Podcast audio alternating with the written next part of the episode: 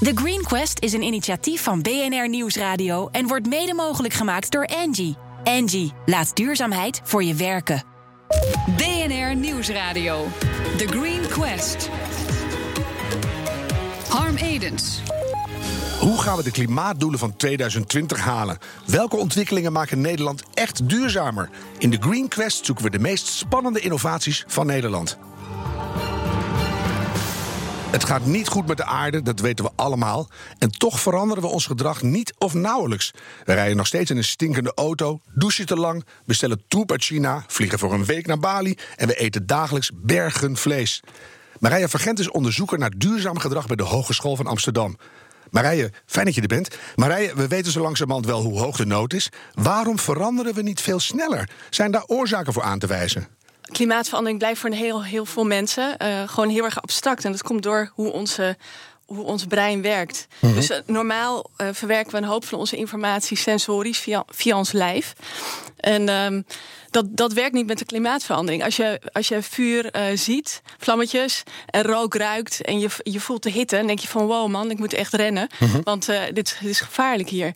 Met de klimaatverandering is iets wat pas over 30 jaar gebeurt. Of misschien gebeurt het nu al in Bangladesh of in, uh, in Afrika waar het droogte is. Of in Amerika met extreem weer, maar dat is ook niet heel dicht bij ons. Dus het is heel moeilijk voor ons om, zich, om ons te verhouden tot zo'n ingewikkeld, abstract probleem. We dat zometeen eens even gaan ophakken in uh, deeloorzaken. Even hoe jullie dat onderzoeken bij de Hogeschool van Amsterdam. Wanneer, wanneer ben je ermee begonnen bijvoorbeeld? Nou, we zijn nog niet zo heel lang geleden gestart. Uh, het, het, zit gelieerd aan de opleiding toegepaste psychologie. En klimaatverandering en duurzaamheid wordt eigenlijk al belangrijker. En op een gegeven moment werd gezegd van ja, eigenlijk hebben we daar zoveel kennis over. Het is eigenlijk gewoon heel jammer dat we dat niet meer kunnen gebruiken. En daardoor ben ik daar ooit begonnen als kwartiermaker, uh, elf maanden geleden. En ik ben deze onderzoeksgroep aan het opstarten. Mm -hmm. En we, wat we eigenlijk doen, is bij elk duurzaam gedrag kijken van aan welke knoppen moeten we nou draaien om ervoor te zorgen dat mensen iets anders gaan doen. En dat is met vlees eten zijn dat andere knoppen dan uh, autorijden bijvoorbeeld. Ja. Zo die knoppen allemaal bij langs gaan. Je zei net al een paar dingen. Bijvoorbeeld, uh, pas over een lange tijd gaan we het, uh, het effect merken. Het is, het is een probleem van later. Ja, precies.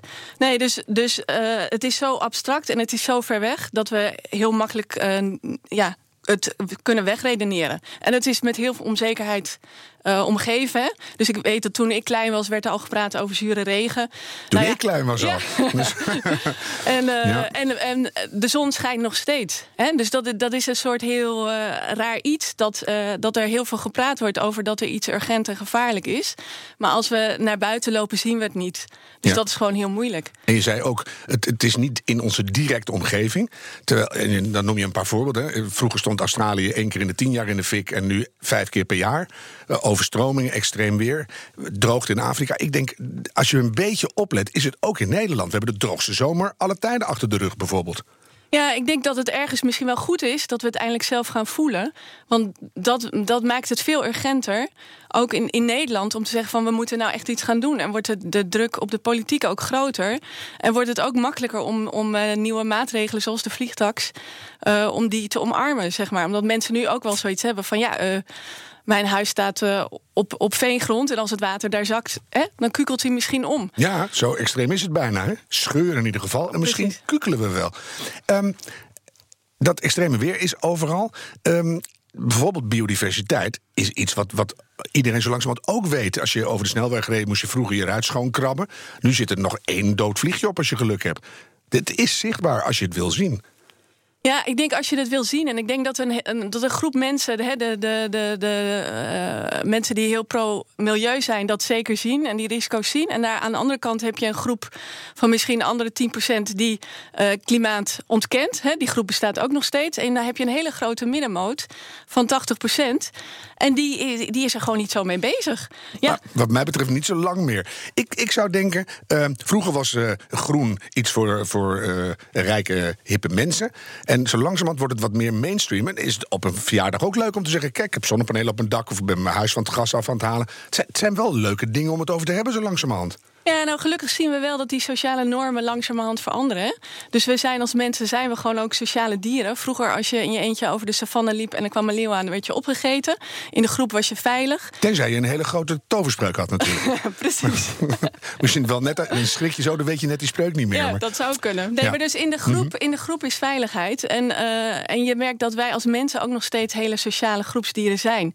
En dat betekent dat, eh, dat er misschien tien jaar geleden helemaal niet werd gepraat over zonnepanelen.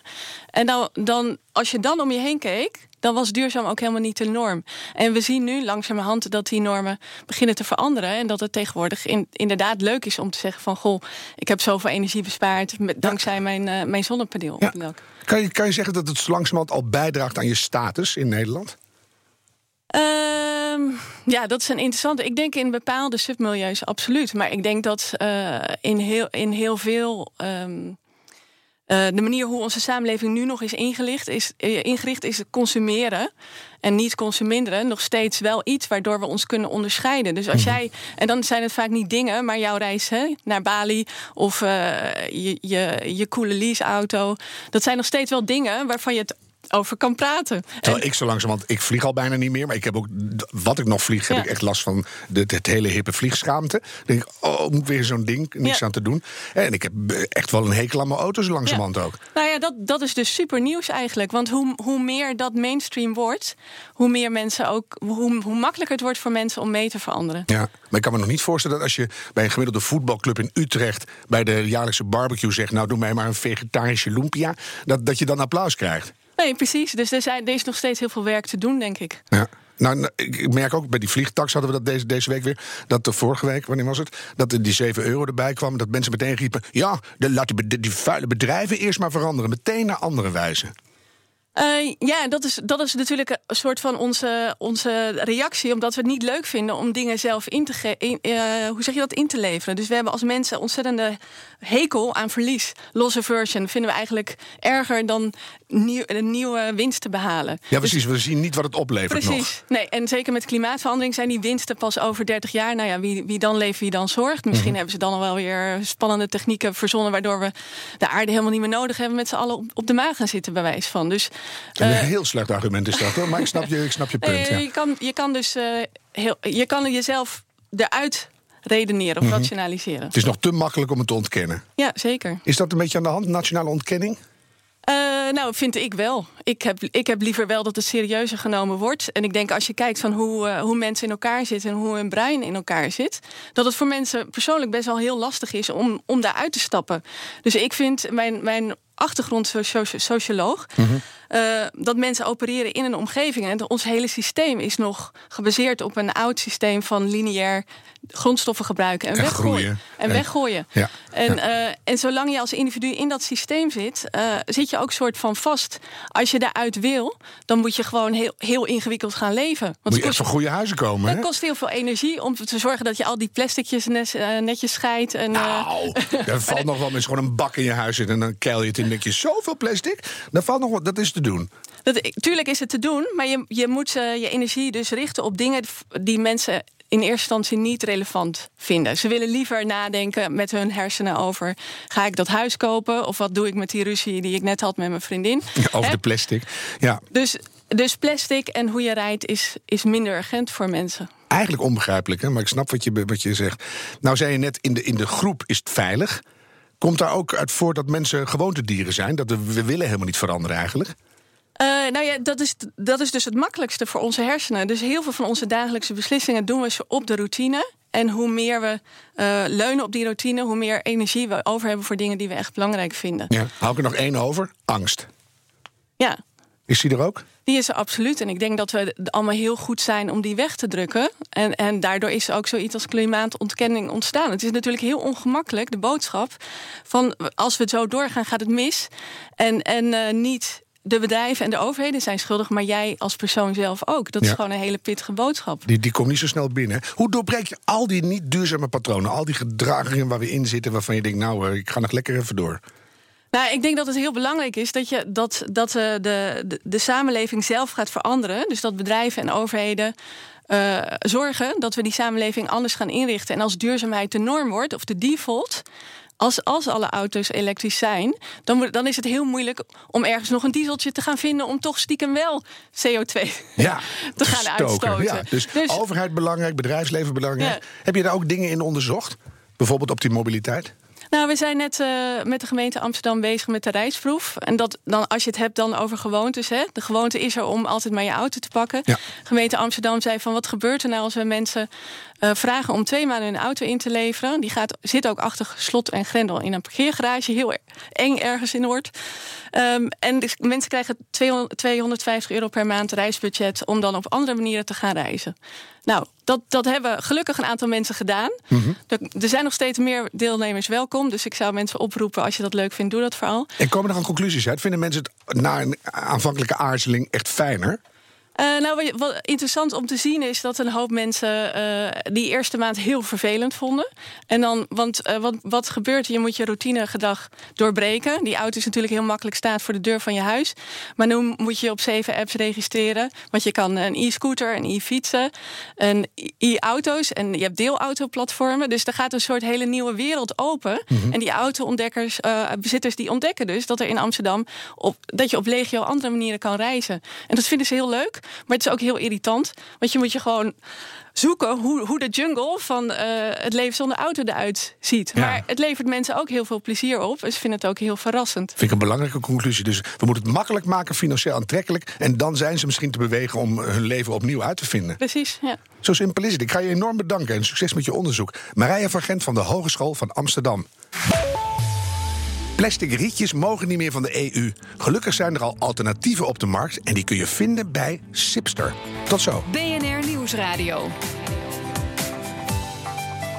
The Green Quest. Welkom bij deel 2 van de Green Quest. Elke week kiest ons Green Team uit alle aanmeldingen een bedrijf dat volgens hen een positieve impact maakt.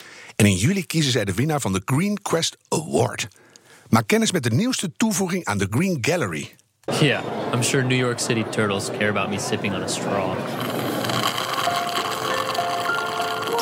¿Es plástico? You've probably seen this video. Is it a freaking straw? Don't fucking tell me it's a freaking straw. That's a plastic straw being pulled out of a sea turtle's nose. I mean, that is just stupid. Oh, man. Sipster, extend life. Ja, zielige zeeschildpadden met rietjes in de neus. Rogier Pennings van Sipster. Heb jij nog meer cijfers om de luisteraar ervan te overtuigen... nooit meer een plastic rietje in hun hoofd te duwen? Nou, cijfers niet direct, maar het gaat om de mentaliteit. Het is het verschil wat je maakt door weg te blijven van het plastic... of in ieder geval bewust te zijn dat als je het gebruikt... dat je het ook echt nodig hebt. Mhm, Maar die hele plastic soep die komt steeds meer in beeld. Hoewel iedereen er eigenlijk nog maar heel weinig van af weet. Het is nog veel erger dan we denken. Maar met name, hoe kom je dan op rietjes? Het is zo'n heel klein dom productje, zou je zeggen. Inderdaad. Het is echt een heel simpel product. En als je me van tevoren eh, een jaar geleden of twee jaar geleden had gevraagd... zou je ooit met rietjes iets gaan doen? is kans groot dat ik nee had gezegd. Ik zat toevallig met twee vrienden van me in Vietnam. We werkten daar allemaal. En we kwamen bij toeval langs een eh, etablissement. Ja, een restaurant waar ze dus eh bamboe rietjes hadden. En we dachten, nou, dat is leuk. Dat is weer echt goed. Dat past in het tijdsbeeld, weg van plastic. En het wordt ook lokaal gemaakt. Dus we zijn daar met die producent in gesprek gegaan. En langzaamaan zijn we steeds verder gaan kijken... van hoe kunnen we dit nou mooi eh, naar Nederland brengen. Even voor het hele plaatje, wat moest je in Vietnam doen? Eh, Ik zat in het eh, Young Expert Program en Rezi, een van de collega's, die zat er ook in. Dus zo kenden we elkaar.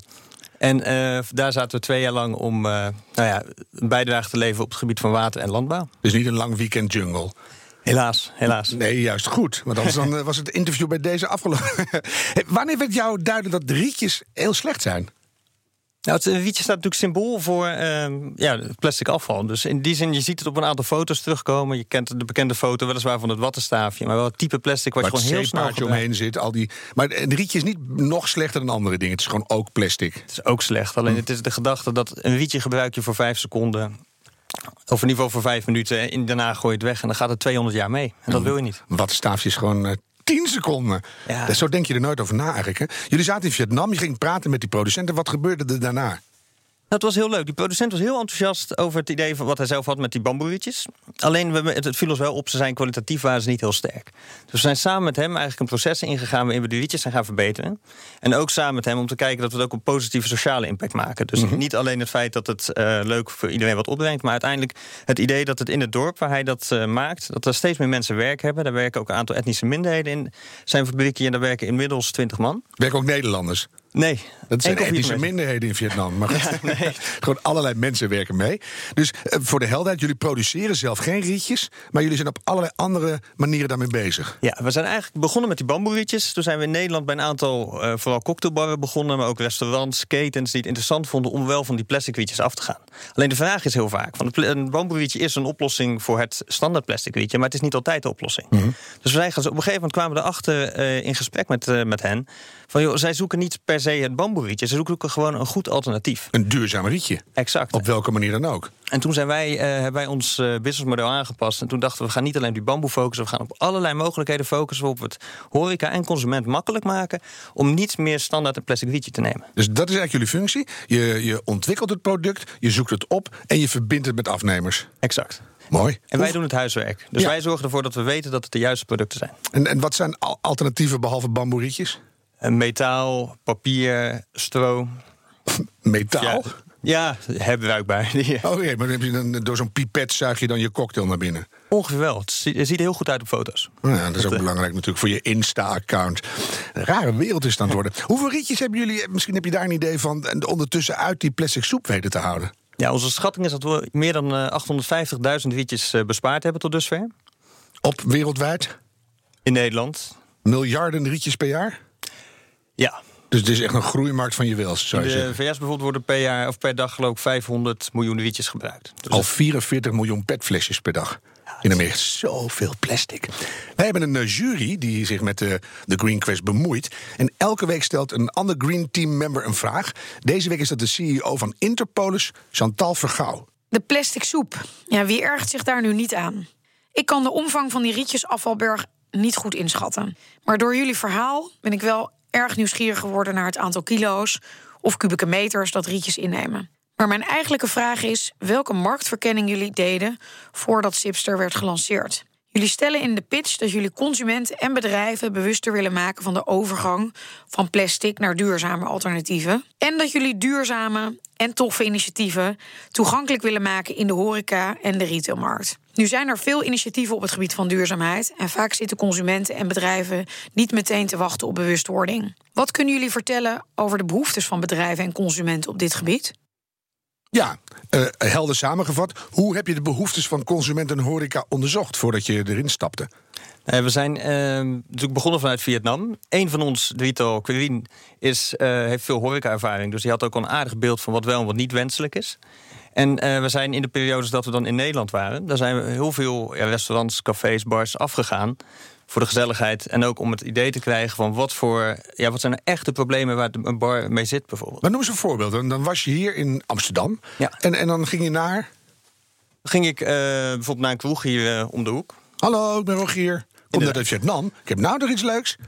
Ja, nou, ik, be- ik begon meestal niet van, hey, dit heb ik allemaal. Ik begon weer met de vragen van, hey, hoe zit het nou? Hoe, eh, hebben jullie plastic rietjes? Vaak het antwoord ja. Wat doen jullie ermee als je, eh, ja, als je klaar mee bent? Natuurlijk, er worden weggegooid. Vragen klanten er wel eens naar? We zoeken jullie iets duurzamers? Op die manier moet je een beetje voelen van, oké, willen ze, zijn ze echt op zoek naar een alternatief? Of eh, hebben ze bijvoorbeeld geen interesse? Want Mhm. En dat gebeurt ook. ja, En wat zeg jij dan? nou jammer. Echt? Mij zie je niet meer terug. Oh, dan eh, begin ik altijd met helle verdoemenis. En eh dan kan ik dat niet hebben. Dat, ik, het is toch een mooi product, dat moet, moet gebeuren. Maar dan, dan laat je het gewoon zitten eerst. Nou, we, natuurlijk hebben we wel een soort. Ja, we houden bij wie we gesproken hebben. En we zorgen natuurlijk wel dat we om de zoveel tijd weer even contact opnemen. Ja, dus je geeft het niet op. Nee. Als je nou, uiteindelijk moet Amsterdam helemaal van de wietjes of van de plastic wietjes af, heel Nederland, heel Europa. Ik hoorde toch ook wietjes, maar Nou, je bedoelde rietjes. ja. en, en als je kijkt naar de kosten van een rietje... Is, kan een, een duurzaam rietje het eh, opnemen tegen een eh plasticje? Nee. Als je echt eh, de prijs één op één bekijkt, Mhm. kom je ongeveer met een, het goedkoopste duurzame alternatief ongeveer factor 3 à 4 eroverheen. De, de- drie keer zo duur. Ja. Want een rietje kost eigenlijk bijna niks. Kost, plastic kost minder dan een cent. Ja, ja. Dus het zijn nog steeds kleine aantallen. Het gaat wel om voor veel horeca en de- dat het. ehm, Duidelijk is dat me- consumenten hebben ze vaak in handen. Consumenten zien ze. Dus het is gelijk zichtbaar voor je als je bijvoorbeeld duurzame alternatieven gebruikt. En dus een gunfactor voor een restaurant of een hipsterfactor. Ja, dat zit er inderdaad in. En het zet ook gewoon de maatschappelijke discussie eh niveau brengt er hipster? Suck a sipster. Ja, dan, maar ja, dat, nee. daar zit hij ook, hè? Dat, dat het waarde heeft. Inderdaad. Dus Ja. dit stukje zichtbaarheid en een stukje bewustwording... wat we er wel eh, mee hopen te creëren. En merk je dat sinds jullie het aan het doen zijn dat dat groeit? Dat mensen ineens denken, hé, hey, ik wil gewoon een duurzaam rietje. Ja, we merken dat in het begin moesten we natuurlijk heel actief achter eh, de ja, horeca aan. En tegenwoordig merken we veel meer dat we gewoon benaderd worden... door partijen die interesse hebben... en dat het veel makkelijker, eh, makkelijker van de grond komt. Ja, nou, nou ben je een bedrijf begonnen, terwijl je Ja. zelf niks produceert. Dat lijkt me echt een, een, een stoere onderneming. Dan moet je echt heel goed weten wat je doet. Hoe gaat het met de groei? Ja, het eh, gaat op zich eh, omhoog. Weliswaar is natuurlijk de zomer en de lente zijn natuurlijk perfecte seizoenen voor de rietjes. Als het dit jaar niet gelukt was, dan... ja. Maar aan zich is het een, eh, is het een groeiende markt. Dus wij doen het alle drie eh part-time. Dus we, zitten, we hebben alle drie een andere baan en doen dit, eh, doen dit daarnaast. Het is niet zo dat je zegt, dat platform is al zo'n succes, eh, we, we, we stoppen met wat we Nee, doen. we hebben ook afgesproken dat alles wat we ermee verdienen, herinvesteren we in het, in het platform. Dus we zorgen ook dat we daarmee op een goedkope manier meer rietjes aan kunnen bieden. En daarmee eigenlijk ook het probleem sneller Ja, van de kaart kunnen halen. dus het wiel wordt steeds groter. Dat is het plan. Kan je iets zeggen over groei? In welke orde van groottes moeten we dan denken? Ja, we hebben nu over de afgelopen kwartalen ongeveer factor 3 à 4. Dus Of, bedoel je dan 25% groei? Of, eh, nee, gewoon dat het per het aantal bestellingen eh, verdriedubbelt. maar zo, is- het is natuurlijk, je begint heel klein en dat gaat dan eh, hals over kop. ja. Wordt het groter. Dat is echt spannend. Nou, nou op een gegeven moment dan weten mensen van zo'n rietje kan anders. Ja. Dat zat in hetzelfde EU-akkoord als geloof het wattenstaafje, het plastic wegwerpbestek en het ballonhoudertje. Ook zo'n Ja, Dat je denkt, hoe kom je erop? Maar goed, het, het is een begin. Is het nou voor de hand liggend bij jullie dat je je repertoire gaat uitbreiden richting al die andere dingen? Dat zou inderdaad kunnen, maar momenteel willen we ons echt focussen op enkel de rietjes. Omdat we denken dat er nog heel veel ruimte is om te pakken. En we denken ook, nou, eh, met de rietjes hebben we op een gegeven moment het punt... het zal een deel minder worden. Mensen zullen op een gegeven moment gewoon zeggen... nou, ik hoef geen rietje bij mijn drankje. Ja, dat is de beste keus. En als mensen het wel nodig hebben... want denk bijvoorbeeld aan verzorgingstehuizen of ziekenhuizen... waar rietjes gebruikt worden... dan willen we zorgen dat we ze gewoon het makkelijkste... en het beste alternatief kunnen geven. Ja. Dus in die zin is er nog voldoende te doen... voor zo'n simpel product als een rietje. Ik kan me ook voorstellen dat op een gegeven moment dan hebben jullie al het voorwerk verricht. En dan zegt eh, een groothandel, nou, daar stappen wij in. We hebben het hele platform niet meer nodig. Ik bied dat ook gewoon aan. Is dat niet een heel groot risico? Dat is inderdaad een groot risico, maar tegelijkertijd is het ook de manier waarop wij het zien. Het is, het is uiteindelijk een bewustwording en een verandering die plaats moet vinden. En als het op- zo op die manier wordt opgepakt en als op die manier uiteindelijk de plastic rietjes eh, verdwijnen, dan denk ik dat we een mooie stap gezet hebben. Dan ga je gewoon weer over naar je andere baan en of je neemt een nieuw product. Het, het kan alle kanten op, dat, is, eh, ja, dat staat nog open. Wat is je favoriete duurzame rietje? Oh, de favoriet, ja, ik denk toch de klassieke bamboe. Ja, maar je hebt er ook één, die kan je opeten, toch? Ja, we hebben er eentje kan je opeten. We hebben zelfs glazen rietjes. Ja, dat, dat ga je niet opeten. Maar zo'n zo'n opeetbaar rietje, dan zuig je aan een cocktail... en dan knaag je daarna dat rietje weg. Inderdaad. Het is, ehm, hij blijft ongeveer een half uur goed in de cocktail en daarna zakt hij wel een beetje in. Maar het is, een van de vele idee. alternatieven. Daar gaan we aan wennen. Ik ga je bedanken. Rogier Pennings van Sipster. Wil je onze zoektocht naar de meest duurzame innovaties op de voet volgen? Luister dan elke week naar The Green Quest en bekijk de Green Gallery op ons platform thegreenquest.nl. Hou hoop en doe het duurzaam. The Green Quest is een initiatief van BNR Nieuwsradio en wordt mede mogelijk gemaakt door Angie. Angie, laat duurzaamheid voor je werken.